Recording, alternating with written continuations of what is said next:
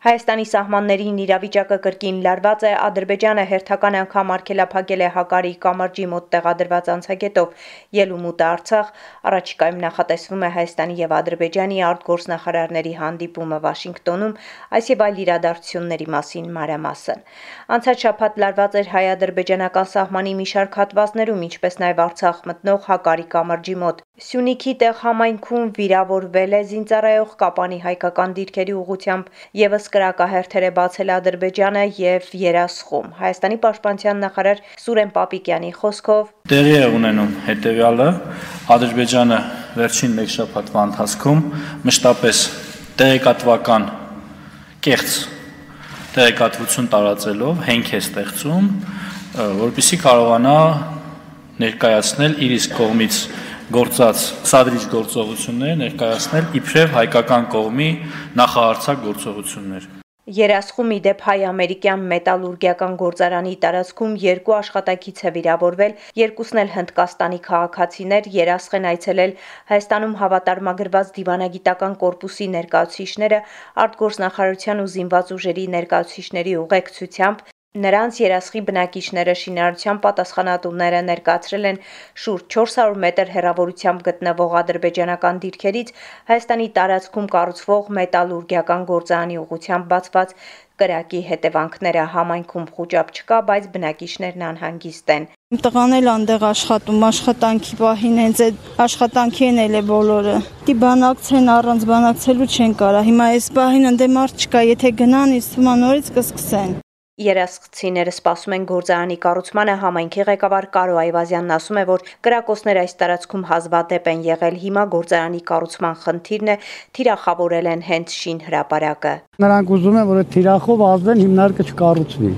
Չի կարա նման բան լինի, եթե մեր կառավարությունը դեմն առնի։ Այս գործելավոճն անընդունելի է խաղաղության օրակարգի քննարկումների ժամանակաշրջանում Հայաստանի արտաքին գերատեսչության ղեկավար Արարատ Միրզոյանը խորհրդարանից դիմել է միջազգային հանրությանը այսպիսի վարկագծի նկատմամբ եւ մենք Հայաստանի Հանրապետությունը եւ միջազգային հանրությունը պետք է շատ կտրուկ դիսկավորվի կամ մենք բանակցում ենք բարի կամքով գտնելու փոխադարձ ընդունելի լուծումներ կամ եթե ուժի գործադրմամբ է ապա այսպիսի քաղաքականությունը մեզ համար առնվազն անընդունելի է հուսով ենք նաեւ միջազգային հանրության համար անընդունելի է Առաջիկայում նախատեսվում է Հայաստանի եւ Ադրբեջանի արտաքին գործերի նախարարների հանդիպում Վաշինգտոնում Հայաստանի կառավարության նիստում հայտարարել է վարչապետ Նիկոլ Փաշինյանը։ Եվ հույս ունեմ, որ Վաշինգտոնյան նախորդ հանդիպման ժամանակ արձանագրված որոշակի առաջընթացը կզարգանա։ Հունիսի 8-ին Հայաստանի արտգործնախարարությունը հայտնել էր, որ ադրբեջանական կողմի խնդրանքով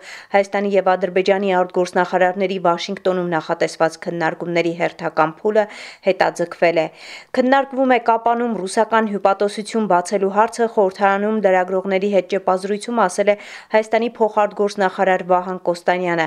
ինչ ցանկություններով եւ նպատակներով է Ռուսաստանը որոշել հենց Կապանում հյուպատոսություն բացել, մենք ողջունում ենք մեր միջազգային գործընկերների հետաքրքրությունը եւ ցանկությունը Սյունիքում ունենալ դիվանագիտական ներկայացություն, տեղում ավելի լավ ծանոթանալու համար իրավիճակին։ Որն է հրատապությունը։ Գլխավոր հպատոսությունը այլ գործառույթներ էլ ունի բացի իրենց բնակիչների սպասարկելուց եւ ես արդեն նշեցի որ ընթացակարգերը պահպանվելու են Անցած շաբաթ կառավարության նիստում վարչապետ Նիկոլ Փաշինյանն անդրադարձել է Ադրբեջանի կողմից Լաչինի միջանցքում ապօրինի անցագետի տեղադրման հետևանքով Լեռնային Ղարաբաղում հումանիտար իրավիճակի սրմանը։ Էլ ինչպես է լինում էթնիկ զտումը։ Արքելակվում է Լեռնային Ղարաբաղի հայերի սննդի, գազի, էլեկտրական էներգիայի մատակարարումը,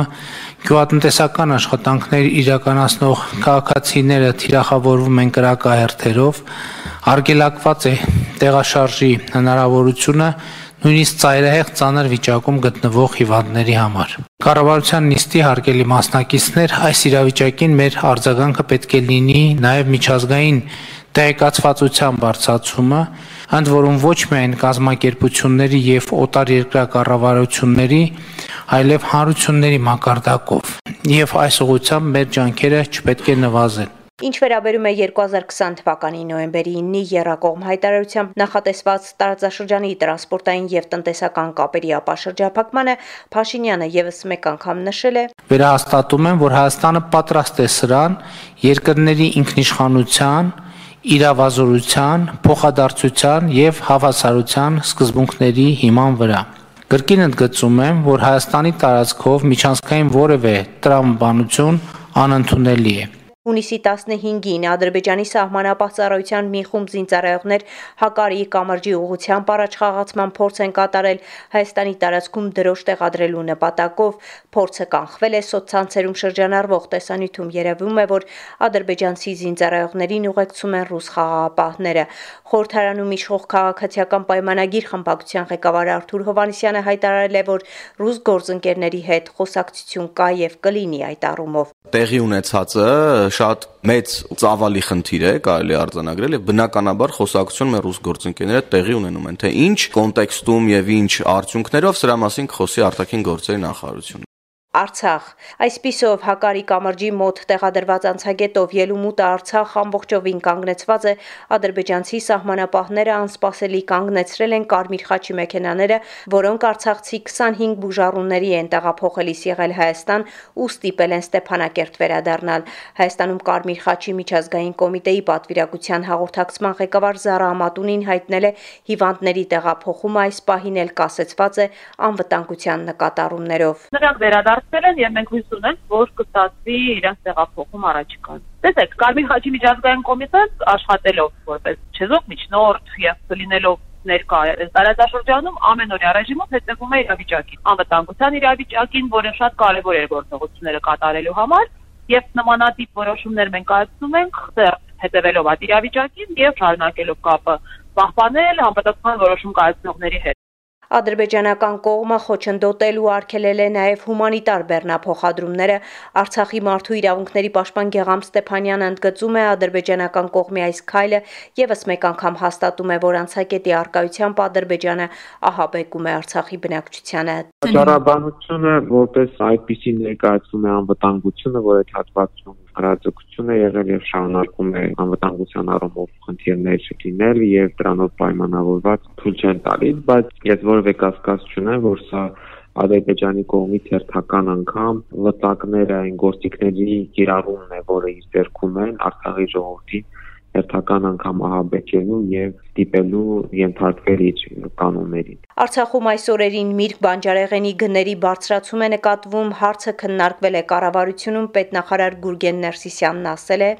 Երեք հումանիտար ճանապարհով Արցախ հասած 900 դրամ վաճառքի գին ունեցող ծիրանը շուկայում վաճառում էր մինչև 3000 դրամ արժեքով։ Ես ոչ մի հանդուրժողականություն այդպիսի մոտեցման եւ երևույթների նկատմամբ չեմ կարող թույլ տալ եւ թույլ չեմ տալ։ Սփյուռք. Միացյալ Նահանգների կոնգրեսի Թորմ Լանթոսի անվան մարդու իրավունքների հանձնաժողովը հունիսի 21-ին լսումներ կանցկացնի Լեռնային Ղարաբաղի ժողովրդի անվտանգությունն ապահովելու հարցի շուրջ։ Հանձնաժողովի հաղորդագրության մեջ նշվում է, որ Լեռնային Ղարաբաղում բռնությունների վերսկսման վտանգը մեծացել է։ Միացյալ Նահանգների հայկական համագումարի տարածաշրջանային տնօրեն Արփի Վարդանյանը կարծում է, ոչ մի բան, ոչ մի երկրում այտենց արագ չի ստացվում։ Լսումները տեղի կունենան ու այդ շատ լավ լուր է, որ պիտի այդ քաղաքական գործիչները վերջի դորությունների մասին կլսեն, ինչա կատարվում, ինչա անում Ադրբեջանը հայերի դեմ եւ Հայաստանում եւ Արցախում եւ հույսով եմ, որ դա մի բանի կբերի, բայց չեմ կարող ասել երբ կբերի կամ ռեալ չի որ ասեմ որ ասենք հաջորդ օրը մի որոշում կկայացվի ու հարցը կլուծվի։ Հայաստանի նախագահ Վահագն Խաչատուրյանը Գերմանիայում Հայաստանի դեսպանատանը հանդիպել է տեղի հայկական համայնքի ներկայացուցիչների հետ։ Մեր ռազմավարության մեջ հարևանների հետ բարեդրացական ապրելու խնդիր է դրված եւ մենք ընդհանրապես պաշտպանվելու խնդիր ենք դրել։ Եվ այսօրվա կառավարության հիմնական խնդիրներից մեկը եւ իր ծրագրային կետերից մեկը հենց այդ ուղղությամբ լրջագույն աշխատանք տանել, դա նշանակում է ամբողջ պաշտպանության մեր համակարգը, մեր ռազմավարությունը փոխել, բանակում լրջագույն բարեփոխումներ անել, կարողանալ բանակը դարձնել ժամանակակից բանակ Մատենադարանի մասնագետները կիրականացնեն Ամերիկայի հայկական թանգարանի ձեռագրերի վերականգնումը, Մաշտոցյան մատենադարանի եւ Ութերթաունի Ամերիկայի հայկական թանգարանի համագործակցությունը սկսվել է 2022 թվականից։ Առաջիկայում մատենադարանի վերականգնման բաժնի աշխատակիցներից մի քանիսը կմեկնեն Ութերթաուն տեղում ձեռագրերի նորոգման աշխատանքները սկսելու համար։ Այսքանը անցած շաբաթը Հայաստանում, Արցախում եւ Սփյուռքում ամփոփեց Գիտալի Բեկյանը։